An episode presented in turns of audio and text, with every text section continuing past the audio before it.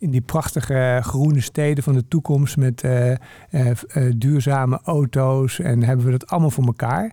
Maar dan zijn we nog steeds dezelfde jaloersige, eh, primair reagerende chimpansees die we nu zijn. Ja. Of is op dat gebied ook enige vooruitgang mogelijk? Een fysiek en mentaal krachtige samenleving. Hoe kunnen we dat bereiken? In deze podcast komt een man niet meer bij de dokter, gaat huisarts en leefstijlarts Alja Sluiter langs bij zes inspirerende professionals die antwoord kunnen geven op deze vraag. Mentale vooruitgang in de Nederlandse samenleving is van belang. Leefstijlverandering valt of staat namelijk met mentale kracht.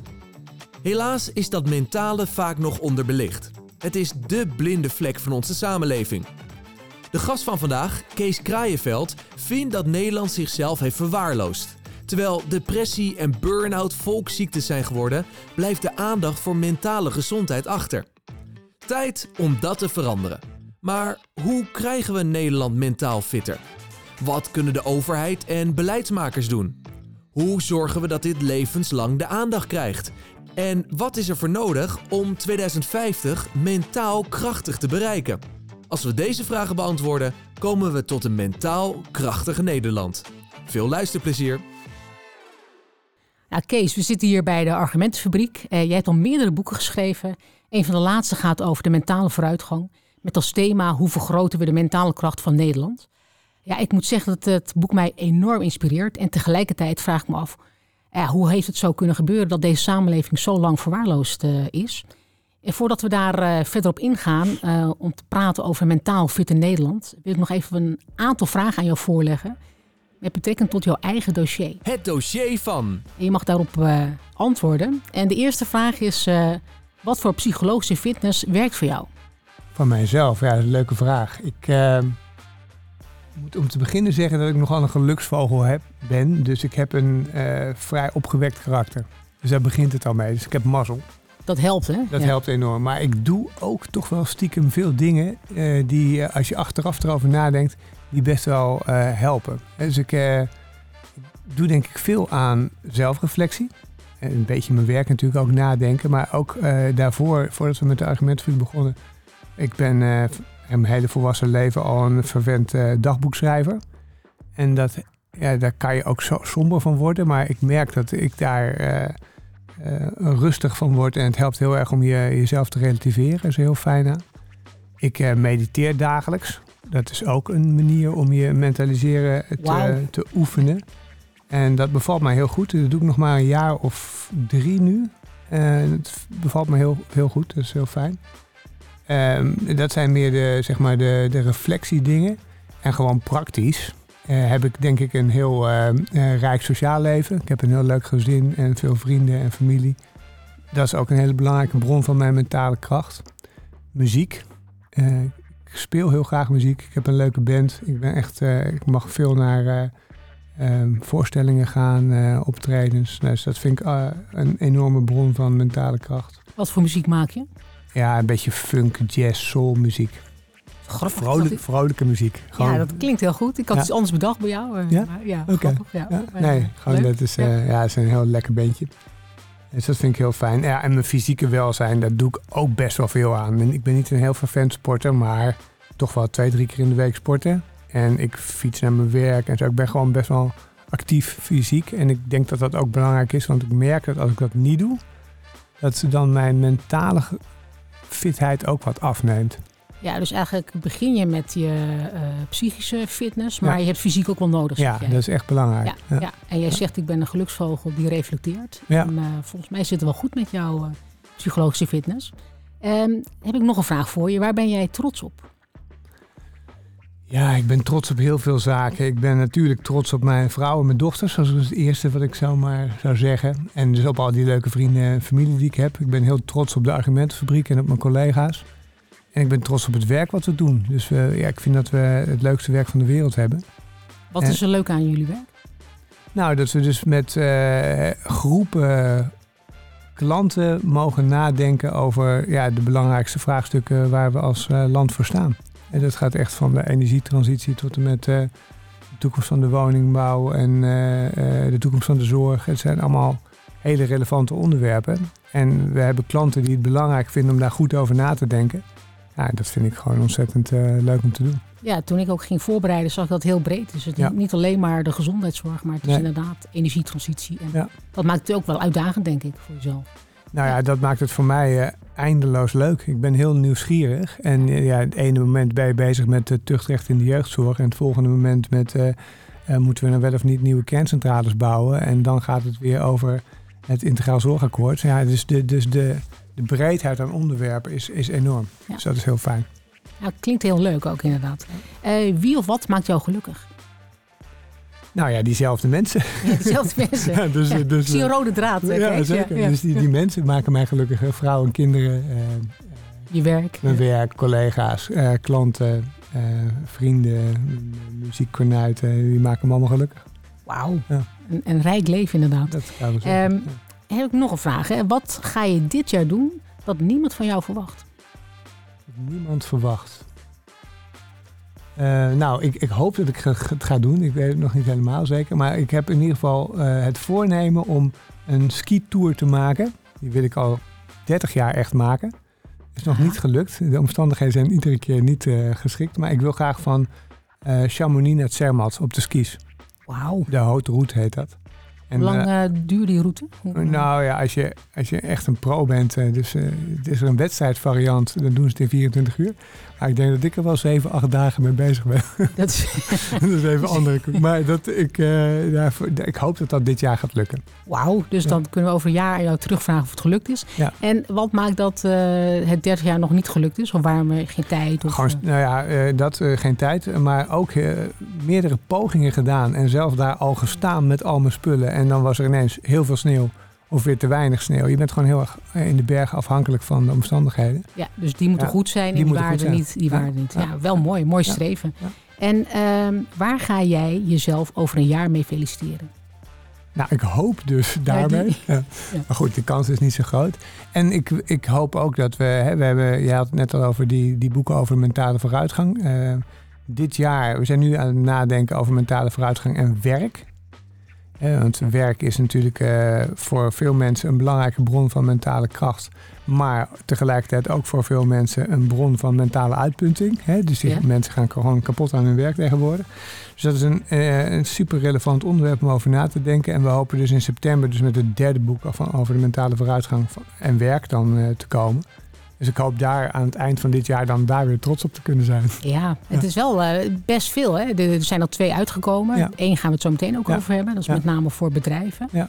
en de overheid. Het tweede is nu uit met, eh, over het gezin. En nu komt er een derde bij over het werk. Ja, precies. Ja. Dus jij zit niet stil. Nee, Ja, als ik zo heel kort jou een indruk van jou. Dus een geluksvogel die meerdere interesses heeft. Die heel veel nieuwsgierig is. Ja. En ook een, een rijk sociaal leven heeft.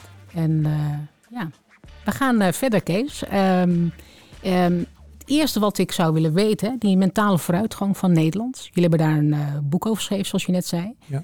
Ehm, wat was eigenlijk de aanleiding? Kun je daar iets over vertellen? Jazeker, er waren eigenlijk twee aanleidingen. Kijk, wij denken hier bij de argumentfabriek heel veel na over wat relevant is voor Nederland. Eh, en ik zei al, dat gaat dan inderdaad over de woningmarkt, over het energiesysteem. Het gaat over echt van alles en nog wat. Maar wat mij daar na 15 jaar nadenken, of 14 jaar waren we toen denk bezig, opviel, is dat die klanten die eh, vragen ons vooral na te denken over hele materiële zaken. Dus eh, de arbeidsmarkt, woningmarkt, nou, dat soort onderwerpen. En daar besteden ze veel tijd en veel geld en veel energie aan. En ik ben natuurlijk zelf opgeleid als filosoof en psycholoog. En ik denk maar de hele tijd, ja jongens, maar eh, een van de belangrijkste vraagstukken in dit land is hoe we er mentaal aan toe zijn. En waarom denken we nooit na over eh, nou ja, zoiets als hoe we mentaal vooruit kunnen? Hè? Want dan zitten we zo direct straks in die, in die prachtige groene steden van de toekomst met eh, eh, duurzame auto's en hebben we dat allemaal voor elkaar. Maar dan zijn we nog steeds dezelfde jaloersige, primair reagerende chimpansees die we nu zijn. Ja. Of is op dat gebied ook enige vooruitgang mogelijk? En hoe krijgen die primair reagerende chimpansees naar dat ze eigenlijk tevreden zijn met, en wel blij kunnen zijn in hun nieuwe groene woonwijk of hun nou, door, door, door dus ook aandacht te besteden aan die mentale vooruitgang. En Dus we zijn heel erg bezig met materiële vooruitgang, hier ook op de fabriek. En ik had dus na al die jaren denken over materiële vooruitgang, eh, wat ons natuurlijk ook geen windeieren legt, hè, want het gaat ook gewoon mentaal, uh, materieel heel goed met Nederland. Had ik zoiets van ja, maar we moeten ook hierover nadenken. En ik vond, eh, als ik het aan klanten vroeg, hadden die uh, daar weinig respons op ook. Hè. Als je dan had zoiets van ja, maar hoe, hoe moet dat dan, hè, mentale vooruitgang? En als ik dan vroeg van stel je er iets bij voor, dan begonnen ze eigenlijk allemaal over twee dingen. Eén was meer ontspannen leven. En dan uh, kwam er al snel Boeddha, iets met Boeddha. Dus, dat is het beeld, hè? Dat is een beeld mensen mensen denken, hebben. Bij mentaal ja, dus meditatie, Precies, Boeddha, mindfulness, dat soort associaties hebben ze dan. En de tweede associatie was eigenlijk ook meteen een betere relatie met mijn kinderen. Oké. Dus ook voor veel mensen is dat dus ook een, een iets. Dus het tweede boek gaat inderdaad over mentale vooruitgang van gezinnen. Dus ook om die reden, omdat mensen dat dus heel belangrijk vinden. En daar is denk ik ook enorm veel vooruitgang te boeken. Want er zit natuurlijk enorm veel achter al die voordeuren eh, waar het ogenschijnlijk allemaal zo goed gaat. Er zit natuurlijk heel veel verdriet en ellende wat we elkaar gewoon aandoen aan de lopende band. Uh, uit, uit mentale onbeholpenheid. En dat, en dat dat beter zou kunnen, dat zien mensen ook wel voor zich. Maar verder hadden ze daar dus weinig antwoord op. En uh, ik heb daar toen een stuk over geschreven in de Volkskrant. Dat ging over de mentale utopie. En laten we daar eens over nadenken. Nou, dat woord mentale utopie vonden mensen heel eng. Want ja, dan denk je meteen aan Brave New World en aan alle dystopische verhalen over mind control en mind police en zo. Maar uh, ik kreeg daar echt waanzinnig veel reacties op dat stuk. Uh, omdat. Uh, Noem eens een reactie. Wat, wat, Nou, ik, eh, op maandagochtend opende ik mijn mailbox en ik had echt honderden mailtjes. Van, van mensen uit de wetenschap, mensen uit het eh, onderwijs veel, mensen uit de GGZ.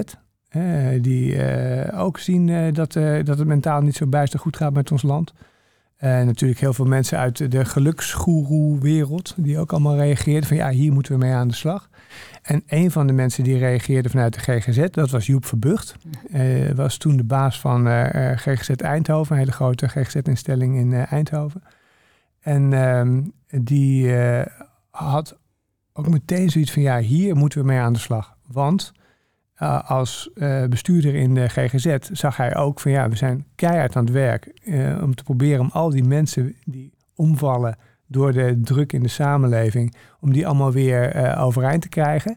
Wij kunnen als GGZ het werk echt niet aan. Hè. Er zijn wachtlijsten, personeelstekorten. Nou, die, die sector is echt overspannen. Zwaar overbelast. Zelf ook echt overbelast. Dus hij had zoiets van, ja, we moeten, eh, het voelt heel erg als dweilen met de kraan open.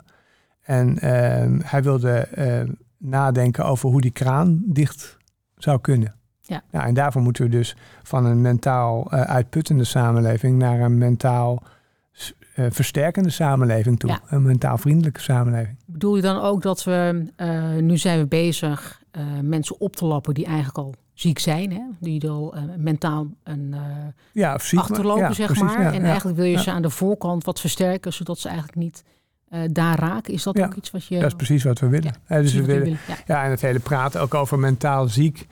Ja, dat is natuurlijk een uitermate gradueel iets. En ziek en gezond, uh, die metafoor proberen, of ja, het is in mijn ogen toch echt een manier van spreken over mentale zaken die niet de meest vruchtbare is. Dus daar moeten we eigenlijk ook vanaf. Ja, eigenlijk uh, zou je daar beter, je kan beter praten over mentale kracht. Dat doen we liever dan over mentale gezondheid. Want gezond, kijk, als je zodra je het over mentale gezondheid gaat hebben, dan betekent het dat mensen met wie het even minder gaat, die zijn dan ook meteen ziek. En eh, als we het hebben over ziek, dan associëren we dat meteen met witte jassen en ingrepen. En iemand, een professional, moet je dan gaan helpen. Ja, en ik denk dat dat allemaal uh, wat doorgeschoten is. En dat we veel beter uh, voor elkaar moeten zorgen. En als samenleving dus ook uh, moeten leren om wat minder mentaal onbeholpen te zijn. Ja, mentaal onbeholpen zeg jij. En, en die aanleiding was materieel. En, en uh, de andere aanleiding, want je had er over twee. Ja, dus aan de ene kant had ik dus het gevoel van... Uh, we moeten met onze klanten niet alleen maar over materiële vooruitgang nadenken... maar ook over mentale vooruitgang. Mm -hmm. En Joep Verburg die had zoiets van... ja, maar dit is inderdaad... Uh, we moeten zorgen dat we uh, die kraan dicht krijgen. He, dus die, die zag echt het, het, concrete probleem in de samenleving al. Dat was echt in 2018 was dat. Hè? Dus dat was nog voor de, de hele Corona, coronacrisis alle- ja. en alle ellende die daaruit voortkwam op mentaal gebied. Dus dat was daarvoor nog. Toen had de GGZ het ook al heel erg zwaar. En dus die, die, mentale, ja, die mentale ontreddering die gaande is in de samenleving, die was er eh, voor corona ook al. En ging het ook al slechter met mensen. Was ook al de burn-out, eh, het burn-out fenomeen was ook heel erg in opkomst. Eh, met de jonge mensen ging het al slechter met de mentale gezondheid. Veel, eh, veel depressie, angst en dat soort gedoe bij jonge mensen.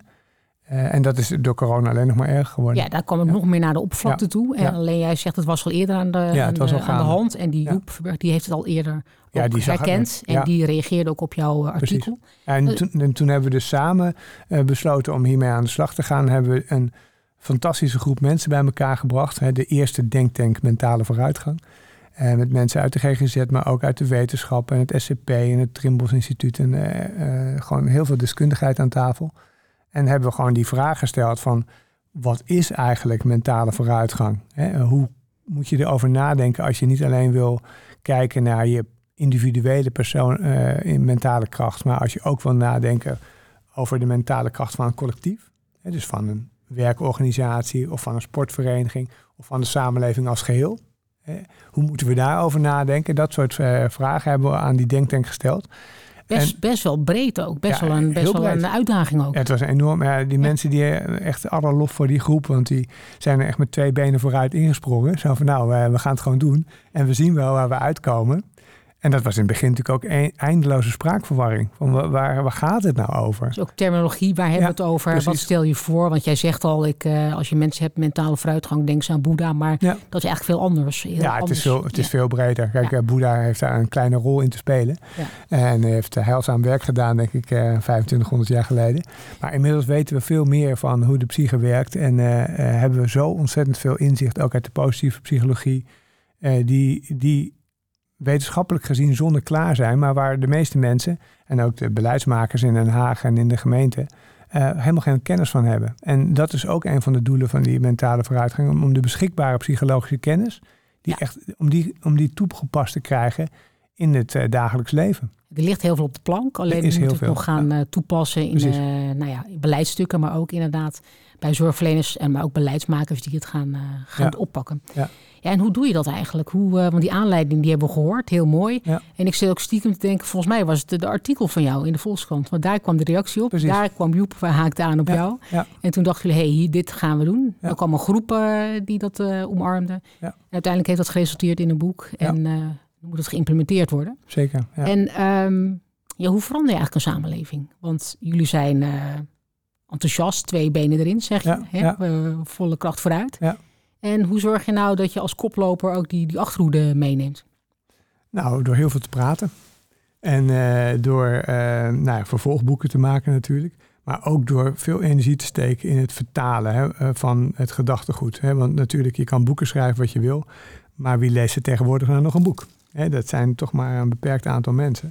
En dit is bedoeld voor de hele samenleving. Dus we steken ook energie in het vertellen erover. Eh, we geven workshops. We zorgen dat we het eh, gedachtegoed zoveel mogelijk verspreid wordt. En het leuke is dat dat is dus niet alleen aan ons, maar dat is ook aan al die mensen die, die in die denktank hebben meegedaan. Want die zijn mede-eigenaar van het gedachtegoed. Ja.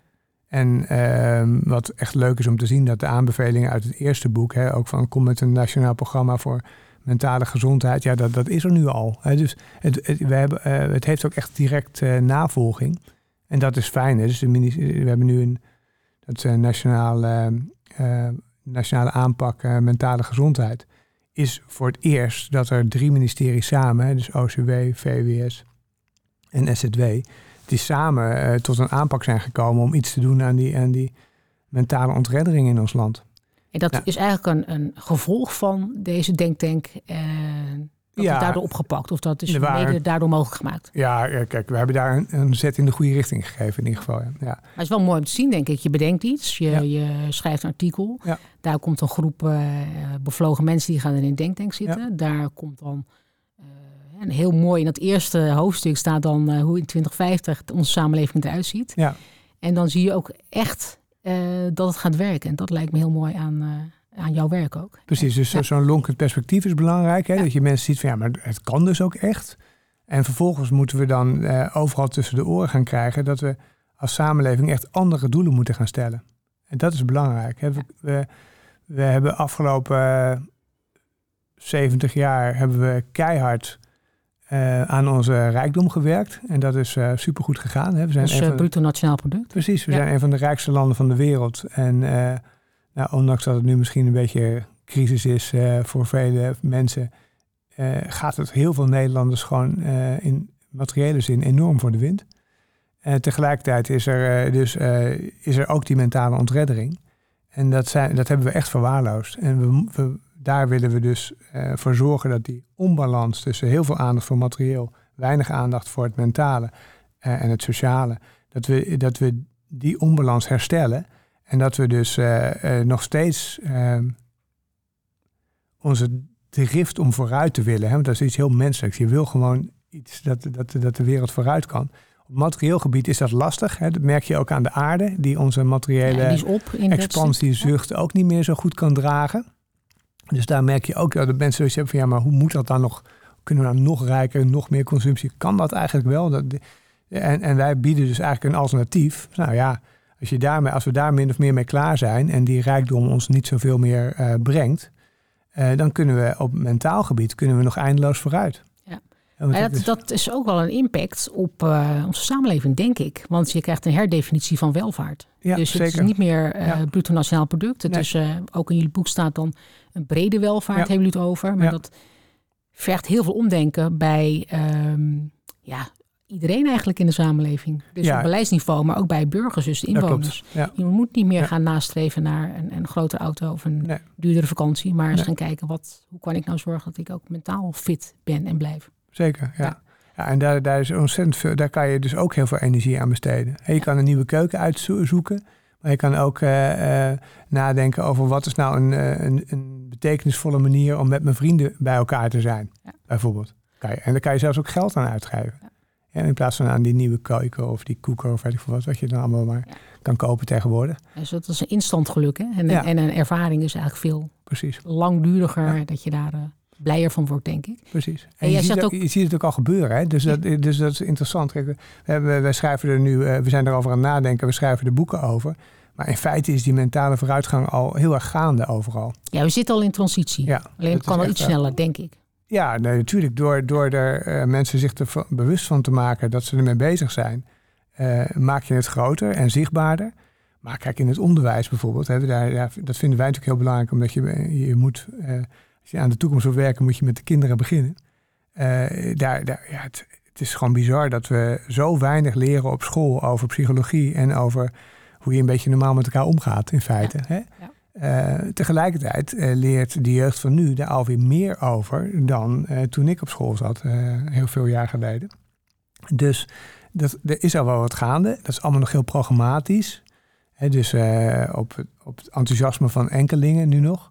Maar het is er al wel. Psychologie op school, het is er allemaal. alleen dat moet, dat moet nog een beetje... Het moet het nieuwe normaal worden. Precies. Het mentale normaal eigenlijk. Ja, het, mentale normaal. Het mentale normaal, ja.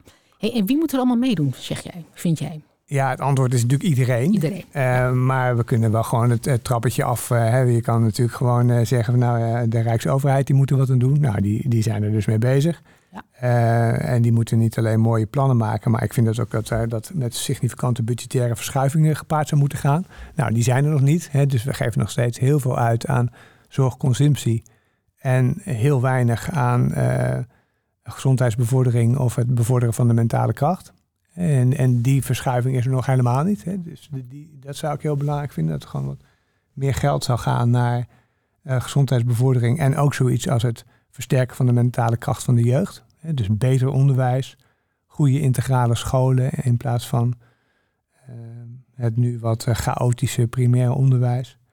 dus dat zijn dingen die de, die de overheid kan doen op, op rijksniveau gemeenten zijn echt al heel veel met dit onderwerp bezig. Hè. Dus uh, bijna alle grote steden hebben programma's over geluk. En hier in Amsterdam heb je Thrive. En je hebt, uh, dus daar staat eigenlijk al op de, op de agenda. daar wordt al uitgevoerd. Alleen de overheid, daar moet, hoor ik jou zeggen, toch nog iets meer of een verschuiving komen van het budget. Ja, op rijksniveau. Ja, dat Ja, vind ik enorm. Ja, We, ik bedoel, we geven 100 miljard uit aan de zorg. En dat is allemaal zorgconsumptie. Ja. En we geven een miljard uit aan, eh, aan een beetje aan preventie. Ja, dus ook dus- daar is de verhouding is, eh, is scheef. Totaal scheef. Ja. Ja, en, en, en dat, moet echt, en dat moet echt veranderen. Ja.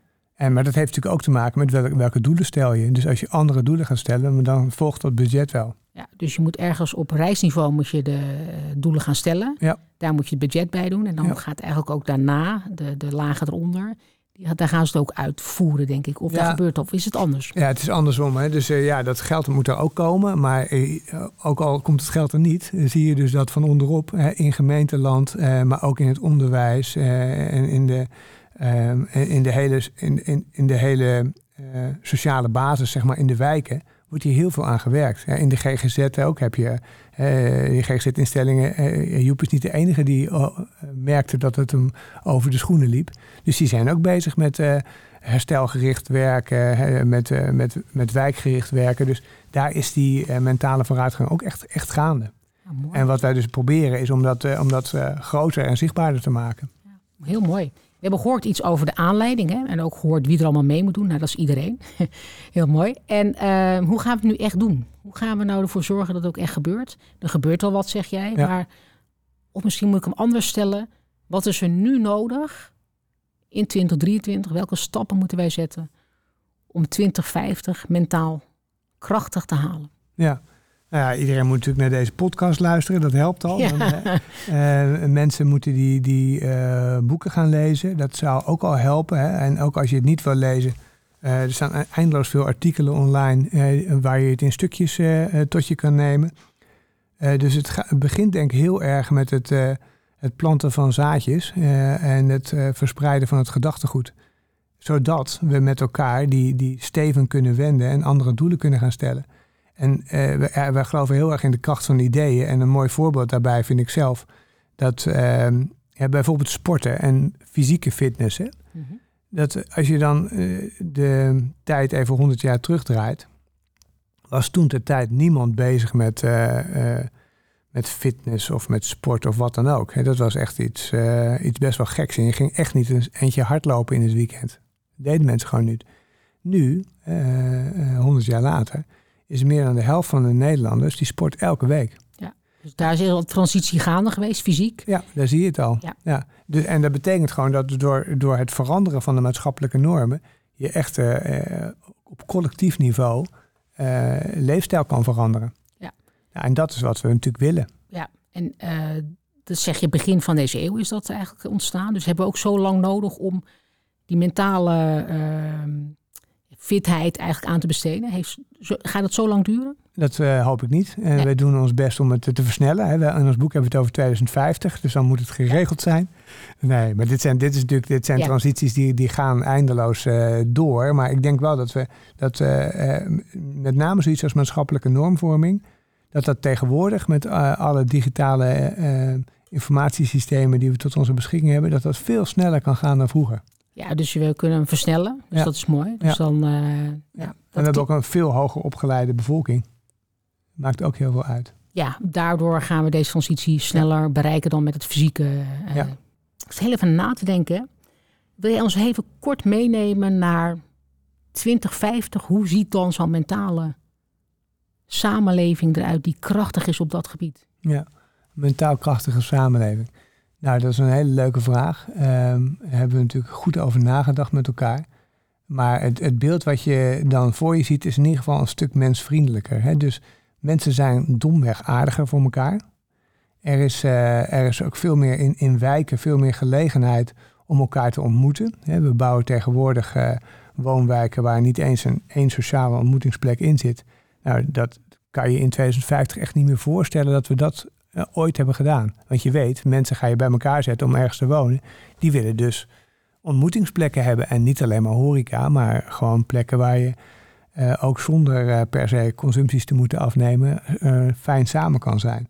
Dus dat zie je in die wijken heel erg. In die wijken zie je dan ook dat daar integrale scholen staan. Dus niet meer kinderopvang en primair onderwijs als twee verschillende instellingen, maar gewoon een, een integrale school waar, waar kinderen van jongs af aan al aan hun een brede ontwikkeling kunnen werken. Het zijn ook lange, rijke schooldagen met sport en muziek. En, en zodat alle kinderen die leuke dingen ook kunnen doen. En niet alleen als je ouders toevallig een beetje geld hebben. Dus dat zie je heel erg. Je ziet in de GGZ dat die het een stuk rustiger hebben natuurlijk. Dat zou mooi zijn, Ja, en, dat die, en dat die ook veel laagdrempeliger zijn. Dus dat, is, dat lijkt heel uh, paradoxaal. Maar ehm, ik denk dat je als je veel vroegtijdiger gewoon met mensen praat over wat ze bezighoudt, dat je heel veel van de, GGZ, de huidige GGZ-zorgers kan voorkomen. En um, een groot verschil met nu is dat we nu een hele hoge mate van mentale verkramping hebben. Eh, echt op collectief niveau mentale verkramping. Dus een beetje hysterisch, kort aangebonden. Nou, de korte lontjes, de spreekwoordelijke korte lontjes. En, en uh, tegen die tijd is er uh, veel meer mentale ontspanning. veel meer begrip voor mentale verschillen. En daarmee een, een, een, een meer ontspannen sfeer waarin je ook met elkaar, waarin je dus eigenlijk ook meer tijd hebt om gewoon aandacht aan elkaar te besteden. Ja, het, is dus ook minder eenzaam dan de huidige samenleving. Ja, het klinkt mij ook alsof we dan minder in de vijfde versnelling zitten, maar ook wat uh, teruggeschakeld hebben. Ja, rustiger. En minder, en minder verkrampt. Het klinkt heel, uh, heel mooi eigenlijk. Ik denk dat we het gewoon moeten gaan doen. Nou, en het makkelijkste is dus, ik, het, ik had het net over budgetverschuiving, maar dit kost dus niks. Nee. En, en we kunnen er in feite gewoon vandaag mee beginnen. We kunnen vandaag beginnen, waarom doen we het niet? Omdat we um, nog niet, omdat we nog heel erg krampachtig bezig zijn met de doelen van gisteren. Ja. Oké, en we zitten nog in die vijf versnellingen. We moeten nog even terugschakelen. Precies. En even die dingen. Andere doelen zien. Andere doelen moeten we nog even reframe waar we het net over hadden. Ik heb heel veel dingen gehoord waarvan ik denk, ja, daar kunnen we mee aan de slag. Daar moeten we mee aan de slag. Het gebeurt al. We zijn al in transitie. Maar er zijn nog wel wat stappen te zetten tot 2050. En heb ik nog één vraag aan jou. Welk advies zou je de Nederlandse samenleving willen geven op het gebied van de mentale vooruitgang? Ik denk dat ik mezelf dan een beetje ga herhalen, maar uh, de uh, tip zou zijn: uh, zet even een stapje achteruit. Kijk naar alle dingen die je in het leven zou kunnen bereiken. Dat zijn er vele. En wend de steven van puur materieel en puur de statusspelletjes waar we heel veel tijd en energie aan besteden, naar meer ontspanning en meer aandacht voor elkaar. Nou, daar sluit ik me bij aan. Dankjewel voor dit inspirerende gesprek. En ik denk dat wij als samenleving aan de slag kunnen en moeten, zodat we in 2050 mentaal fit uit gaan komen. Dankjewel. Graag gedaan. En ben jij geïnspireerd geraakt door het verhaal van Kees? Nou, dat is goed om te horen. In de volgende aflevering krijg je alles te horen over gedragsverandering en hoe we dat nu langer kunnen volhouden dan zes weken. Janieke Hertogs van Subconscious Impact is dan onze gast en neemt ons mee. Alle afleveringen zijn tot nu toe terug te luisteren via jouw favoriete podcast-app. En vergeet niet te abonneren voor meer inspirerende verhalen.